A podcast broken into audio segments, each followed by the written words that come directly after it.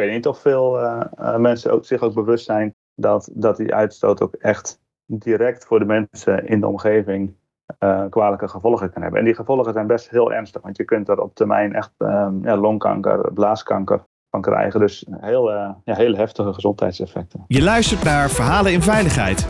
Deze podcast brengt verhalen over veiligheid samen van de mensen die het doen. Met wisselende onderwerpen. Verhalen vanuit de wetenschap, verhalen vanuit de praktijk, maar vooral verhalen die raken uit ons mooie vak. Uw presentatrice Orlie Borlak. Welkom luisteraars, het is weer uh, tijd voor een uh, mooie podcast. Ik zit in de studio met Johan Timmerman. Hij is specialist arbeidshygiëne en epidemioloog bij Volandus. Daarnaast heeft Johan een master in toxicologie en environmental health en een bachelor in biomedische wetenschappen. Vandaag praten wij over de risico's van dieselemissies en de uitdagingen om dit risico te beheersen. Johan, welkom. Dankjewel. Wat is het probleem met dieselemissies? Ja, het is moeilijk om dat zo in één zin uh, samen te vatten. Maar het, um, ja, het, het, probleem van, van dieselemissies is eigenlijk dat het een heel complex mengsel is met allerlei uh, eigenschappen die het eigenlijk een heel, uh, een heel naar mengsel maken. Want het is slecht voor de gezondheid, het is slecht voor het milieu en het is heel moeilijk om het aan te pakken. Dat is eigenlijk ja, samengevat een beetje de grote uitdaging als het om dieselemissies gaat. En ik ben een leek. Want ik had net al uh, een kennismaking met je. Ik ben gewoon een sociologe. En ik weet begon niet wat een emissie is. Want wat bedoel je met mengsel? Is het een gasvorm? Is het een poedervorm? Wat is het echt? Ja, een mengsel van, uh, van dat eigenlijk. Kijk, je moet je zo voorstellen. Je hebt een, uh, een verbrandingsmotor. Daar stop je diesel in. Nou, dan wordt, die diesel wordt in die motor verbrand. Daarbij komt nou, de energie vrij die nodig is om, om de motor zeg maar, te laten draaien en, en iets aan te drijven. Ehm, maar er komt ook vervolgens uit de uitlaatpijp komt eigenlijk ja, de reststoffen uh, van die verbranding. Uh, dat is um, water, uh, waterdamp. Nou, dat zie je niet zo, niet zo snel terug, zeg maar. Maar er zit ook kooldioxide in als de verbranding goed is. daar zit um, roet in. Gelukkig steeds minder, maar je weet van vroeger waarschijnlijk nog wel zo'n oude dieselvrachtwagen staat en dan kwam er een zwarte pluim uit, uit de uitlaat. Nou, dat zijn allemaal kleine roetdeeltjes. Eigenlijk poeder, roetpoeder, waar allemaal weer stofjes aangeplakt zitten die slecht voor de gezondheid zijn. En daarnaast zit er ook veel stikstofoxide, stikstofdioxide in. Dat is weer een, ja, een, een, gas, dus dat zie je niet direct. Maar ook dat heeft een impact op zeg maar de gezondheid en het milieu. Dus het is echt een, een mengsel van, van alles en nog wat, wat uit die dieselmotor komt op het moment dat um, diesel verbrand wordt. En wie hebben daar allemaal last van? Want ik kan, nu kan ik me iets inbeelden van vrachtwagens. En uh, ik zie ook wel bordjes in Amsterdam dat je alsjeblieft niet met je dieselmotor de stad meer in komt. En ik zie ook dat Amsterdam tegenwoordig bijhoudt wat de luchtkwaliteit is. Dus ik kan maar iets als leek al voorstellen dat een stad daar heel veel last van heeft als iedereen daar met een dieselmotor uh, doorheen uh, toeft. Maar wie hebben er nog meer last van? Ja, eigenlijk iedereen wel. Kijk, jij, jij, schetst het al, even. als je door de stad loopt, dan zie je het al. Het probleem in Nederland is dat op uh, heel veel plekken, met name de stedelijke gebieden, er ja, zoveel uh, roet eigenlijk in de lucht zweeft. En dat zie je met het blote oog niet, uh, maar het is er wel. dat ja, op het moment dat je buiten gewoon loopt, zeg maar, hè, dan, dan adem je al meer van dat kankerverwekkende roet in dan wat eigenlijk ja, goed is voor je gezondheid. Dus je ziet dat, dat in grote delen van Nederland het gewoon in de lucht hangt. En ja, die concentraties zijn natuurlijk veel hoger dicht bij uh, verkeersaders. Ja, dat heb je veel uh, vrachtverkeer en, en, auto's die met, met, diesel aangedreven worden. Maar uh, we hebben bijvoorbeeld ook ja, in de bouw heel veel grote, grote machines, groot materieel, dat ook door diesel aangedreven wordt. Want dieselmotoren zijn heel krachtig. Maar dat betekent ook dat die dus daar ter plekke dieselrook staan uit te stoten. En dat ook de mensen die daar omheen aan het werk zijn er last van hebben. En weten veel mensen dat de emissies van uh, diesel kankerverwekkend zijn? Ik denk het niet. Ik, ik denk dat, het, um, dat heel veel mensen uh, ervan bewust zijn van we moeten met z'n allen minder uitstoten. En dat is met name vanwege de, ja, de impact op het milieu. Zowel van zeg maar, uitstoot van, van koolstof als van stikstof. Dat is natuurlijk een enorm hot item op de laatste jaren. Ik weet niet of veel uh, mensen ook, zich ook bewust zijn dat, dat die uitstoot ook echt direct voor de mensen in de omgeving uh, kwalijke gevolgen kan hebben. En die gevolgen zijn best heel ernstig, want je kunt er op termijn echt um, ja, longkanker, blaaskanker van krijgen. Dus heel, uh, ja, heel heftige gezondheidseffecten. En die zijn ook direct aangetoond, dus dat verband is ook uh, direct gelegd, is mijn vraag? Ja, ja dat verband is, uh, is gelegd. Dat is uh, epidemiologisch is dat uh, onderzocht. Het is wel zo dat, dat dat effect vaak wel een aantal jaar op zich laat wachten. Dus het is niet zo dat als jij op een dag naast een dieselaggregaat staat te werken, dat je de volgende dag longkanker hebt. Dat is echt een proces waar wel jaren overheen kan gaan. We hebben wel voorbeelden van mensen die bijvoorbeeld in een, een omsloten ruimte aan het werk waren, een grote tent, een grote overkapping, in een tunnel of bijvoorbeeld boven een, boven een snelweg aan het werk waren. En dat die mensen acute gezondheidsklachten kregen vanwege met name de stikstofoxides die in, uh, in de uitstoot zaten. Dat heeft wel echt een direct effect ook op de gezondheid. En dat was met name dan uh, ja, dat mensen duizelig werden en uh, ja, geïrriteerde ogen kregen. Dat is niet zo ernstig zou je zeggen als, als de lange termijn effecten van zeg maar longkanker. Maar dat, dat, je ziet dat het, dat het mengsel ook ja, zowel op de korte termijn als op de lange termijn echt wel impact heeft op de gezondheid. Mag ik daar nog wat eh, verder over vragen? Mhm. Want veel tunnelonderhoud en wegen die door tunnels lopen, dan heeft men de voorkeur te kiezen voor uh, doorstroming. En jij omschrijft nu een situatie waarin mensen werken boven de weg. Nou, die herken ik wel als, als een oplossing voor andere problemen. Zijn de mensen die boven die weg werken zich ook bewust waarom mensen duizelig zijn geworden en waarom mensen last hebben van hun luchtwegen? Is dat iets wat besproken is in, in dat soort rapporten of iets wat algemeen bekend is? Ik denk niet dat het algemeen bekend is. Kijk, op het moment, kijk, als ik het weet, ja, dan moet het ergens natuurlijk een keer in een rapport ten voren gekomen zijn. Maar ja, het, het, is natuurlijk per situatie afhankelijk wat er, wat er gebeurt. En de ene keer ben je op een viaduct aan het werk en, loopt er een snelweg onder het door. Maar dan is het ook nog wel weer afhankelijk van de windsnelheid bijvoorbeeld. Of dat er ook echt uh, ja, dusdanig hoge concentraties ontstaan dat het ook echt een, uh, een risico gaat, uh, gaat vormen. ik denk niet dat het grosso modo zeg maar echt als een groot risico meegenomen wordt. Want op het moment dat je boven een snelweg aan het werk bent, dan zijn er veel zwaarder wegende veiligheidsrisico's. Waar ja, automatisch toch eerder de aandacht naar, naar uitgaat. En jouw beroep, is dat normaal in de, in de bouw? Dat jouw expertise uh, inroepen. Om eens te kijken naar, de, naar uh, de luchtkwaliteit en naar uitstoot en naar die emissies. Maakt de bouw veel gebruik van jouw expertise?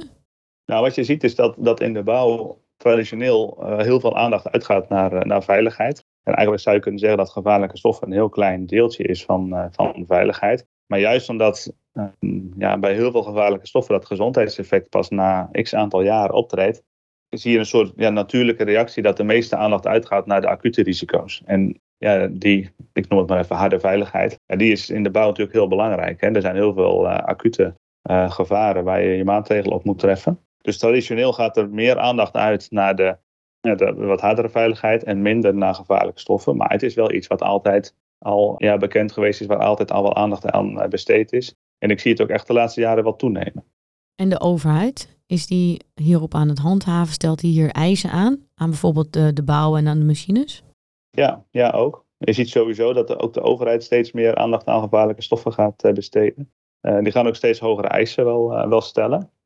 En zeker als je kijkt naar, naar dieselemissies, daar, ja, daar wordt behoorlijk op, op gehandhaafd. En daar wordt ook best heel streng naar gekeken. Meestal is het zo dat je ja, als bedrijf moet je natuurlijk weten waar je mensen aan blootgesteld zijn. Je moet daar een soort inschatting van maken. Je moet kijken waar het minder kan. Nou, als het goed is, leg je dat vast in je risico-inventarisatie.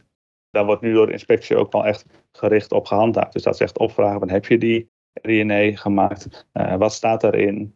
En op het moment dat er nog gewerkt wordt met diesel aangedreven uh, materieel, moet je ook eigenlijk aangeven waarom. Waarom je het nog niet hebt vervangen. Kon dat niet of was het te duur? En, uh, allemaal argumenten waarvan sommige goed zijn en sommige minder goed zijn. Maar je ziet dat, nou, om er even één ding uit te lichten, heel veel materieel gaat ontzettend lang mee. Een, een, een, leeftijd van 20, 30 jaar is helemaal niet gek als je kijkt bijvoorbeeld in de, uh, de infrawereld. En die bedrijven weten ook heel goed hoe ze hun materieel moeten onderhouden. Dus ja, dat, dat kan gewoon echt een hele tijd mee. Maar dan zie je wel dat ja, die motoren die daarin zitten, hoewel ze goed onderhouden worden, zie je toch dat de standaardtechniek ondertussen heel hard verder gaat. Maar als jij een materieel koopt met het idee van daar gaan we 30 jaar mee doen, ja, dan zit je er ook niet op te wachten om over vijf jaar alweer een nieuwe te kopen met een betere, zuinigere motor. En dat is wel heel lastig, want dat betekent uh, dat de innovaties op dit moment zo snel gaan, ja, dat het bijna niet bij te houden is voor de, voor de bedrijven. En ja, de Arbowet die schrijft wel voor dat je uh, de standaardtechniek moet uh, hanteren. Dus je moet het doen wat je kunt om loodstelling te voorkomen. En zeker als het gaat om kankerverwekkende stoffen, ja, moet je daar echt heel veel aan doen als, als bedrijf. Ik kan me voorstellen dat kleine bedrijven eigenlijk de investering niet kunnen ophoesten. Om als zij vijf jaar geleden een machine hebben gekocht of een uh, apparaat gekocht wat met diesel wordt aangedreven, dat ze dat in één keer moeten vervangen, maar dat ze gewoon het geld niet hebben om de apparatuur te vervangen. Hoe gaan ze daarmee om? Wat zijn daar de gesprekken die je hoort? Ja, nee, dat klopt. Het is een, een probleem wat we heel veel, heel veel horen. Want het wordt echt aangeschaft met ja, toch wel in het achterhoofd dat je daar nou, jaren mee vooruit kan. Het is een grote investering. Ehm, dat geldt voor kleine bedrijven, maar dat geldt ook wel voor grotere bedrijven. Want je ziet dat vaak de grotere bedrijven ook weer groter materieel hebben, soms gespecialiseerde materieel, ehm, wat ook gewoon weer um, prijziger is. Wat we daarin wel in ieder geval als sector proberen te doen, is bedrijven goed te informeren van let op, op het moment dat je iets nieuws koopt, kijk dan in ieder geval aan welke eisen het uh, nu moet voldoen. wees je er in ieder geval van bewust dat je uh, iets koopt met een zo zuinig mogelijke motor. Uh, dat je, als het kan, katalysatoren, filters plaatst. zodat je in ieder geval doet wat je kan om, om de, de voorsprong zo groot mogelijk te maken, zeg maar.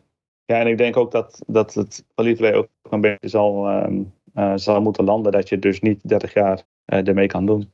maar dat je misschien toch iets, iets sneller af moet, af moet schrijven. En wat ik denk dat, dat ja, waar nog wel meer uitgehaald kan worden, is bijvoorbeeld um, materieel huren. Je hebt best hele grote verhuurbedrijven met een heel breed assortiment. En op het moment dat jij een bepaald materieel uh, soort ja, niet vol continu gebruikt, kun je ook overwegen, nou, kan ik het voor een bepaald project inhuren, zodat ik het niet helemaal hoef, uh, hoef aan te schaffen. Kijk, dat kan natuurlijk niet in alle situaties. Maar er zijn wel dingen waar misschien nog wat ruimte voor is. Maar het, het verandert, het vereist wel dat je ja, toch met een iets andere kijk naar, de, naar de dingen kijkt, zeg maar. Als ik jou goed beluister, denk jij dat innovatie, technologie en onze eisen ten aanzien van uh, milieu en welzijn de aankomende jaren sneller gaat veranderen dan wij denken? Is dat wat ik je ook hoor zeggen? Van joh, koop niet nu een machine waarvan je nu denkt dat die goed is, want over vijf jaar zijn de eisen misschien weer anders? Nou ja, dat is wel een, dat is wel een groot probleem. Ja. Kijk, ik zeg niet van koop niet nu een machine, want als je nog een hele oude machine hebt staan, ja, dan moet je gewoon een nieuwe kopen. Maar de realiteit is wel dat over vijf jaar de stand de techniek alweer een stuk verder is. En dus dat jouw ja, materieel wat je nu koopt en nu nieuw is, over vijf jaar misschien wel verouderd is. En dat is ja, een gevolg van hele snelle ontwikkeling, die op zich natuurlijk heel goed is. Um, maar de vraag is of dat wij het inderdaad bij kunnen houden met z'n allen. Ja, kijk, want je wil dat ook de kleine bedrijfjes die toch iets minder uh, dikke portemonnees hebben, die echt heel goed moeten kijken van waarop kan ik mijn geld uitgeven en waarop niet. En je wil dat die ook wel mee kunnen in, uh, in de ontwikkeling. En worden die eisen ook gesteld aan de makers van al die machines? Want nu wordt zeg maar de koper, uh, die moet gaan kijken van joh, past die machine binnen mijn milieustandaarden, binnen mijn gezondheidsstandaarden. Maar je zou de eis ook aan uh, de machinemakers van deze wereld kunnen stellen en zeggen joh, je mag ze gewoon niet meer maken met diesel.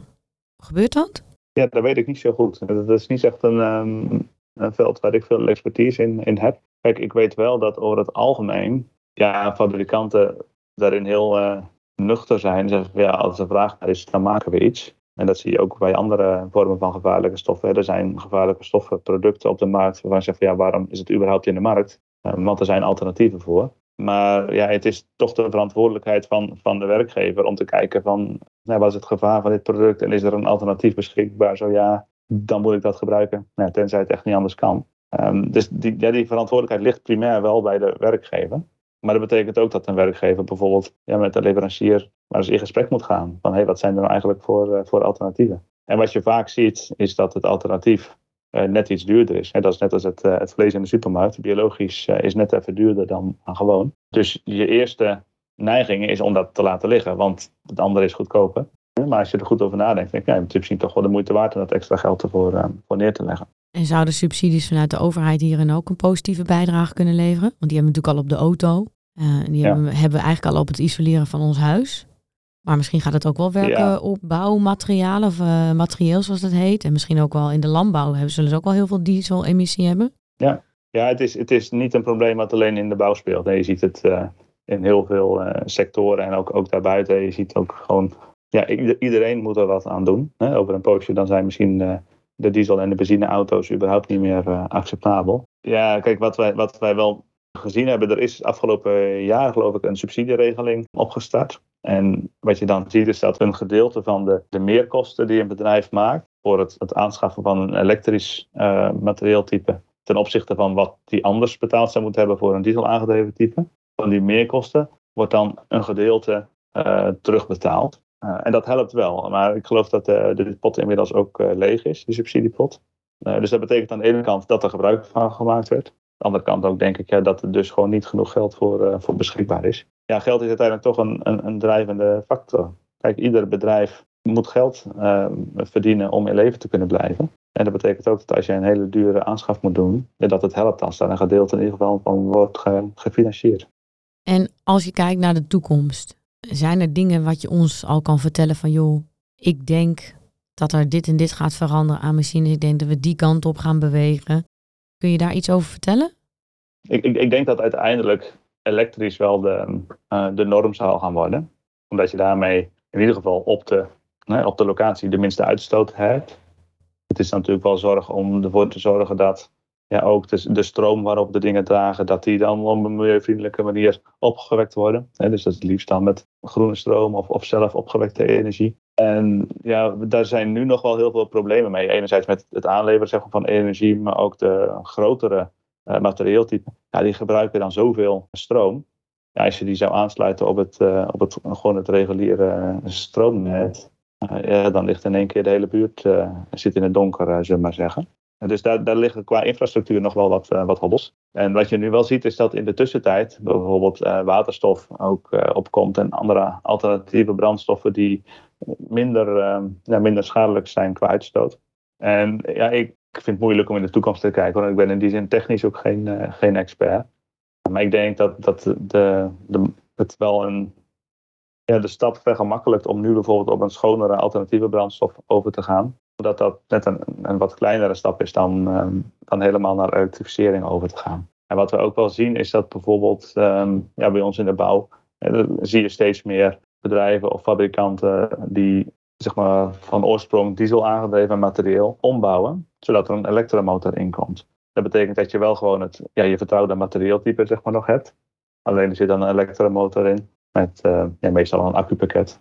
En, en, soms een, een kabel, een beetje afhankelijk van de, de situatie. En zo zie je wel dat er op allerlei manieren ja, wordt er op dit moment zeg maar, aandacht aan, uh, aan besteed. En ik denk dat de grootste drijfveer daarin uiteindelijk toch wel de, um, de milieuaspecten zijn. Kijk, ik kijk als, als natuurlijk met name van vanuit de hoek van wat betekent het voor de, voor de werknemers die om, om zo'n aggregaat of zo'n materieeltype heen staan.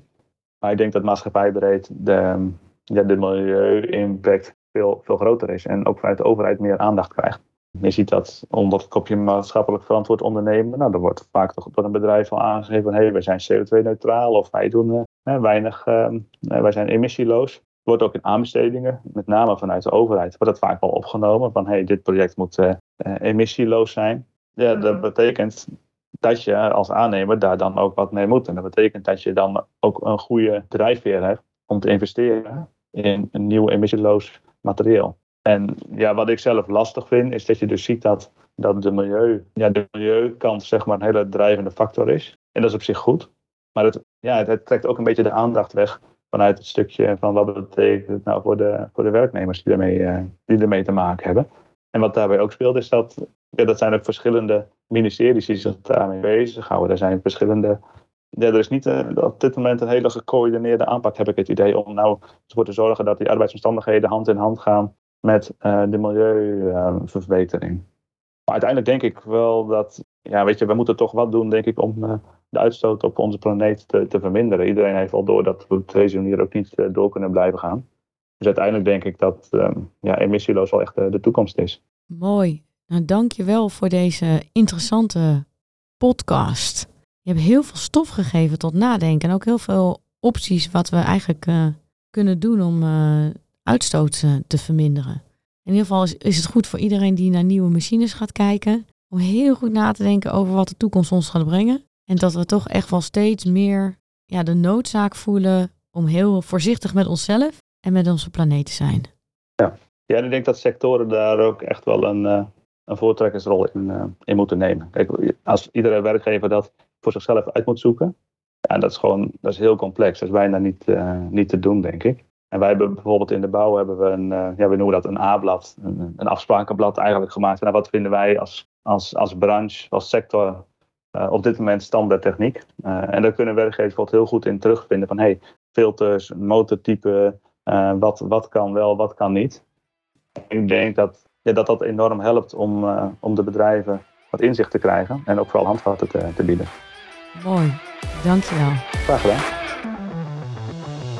Je luisterde naar Verhalen in Veiligheid. Wil je niks missen van deze podcast? Abonneer je dan op deze podcast in je favoriete podcastplatform. Of laat een recensie achter via Apple Podcast. Dank voor het luisteren. Graag tot de volgende.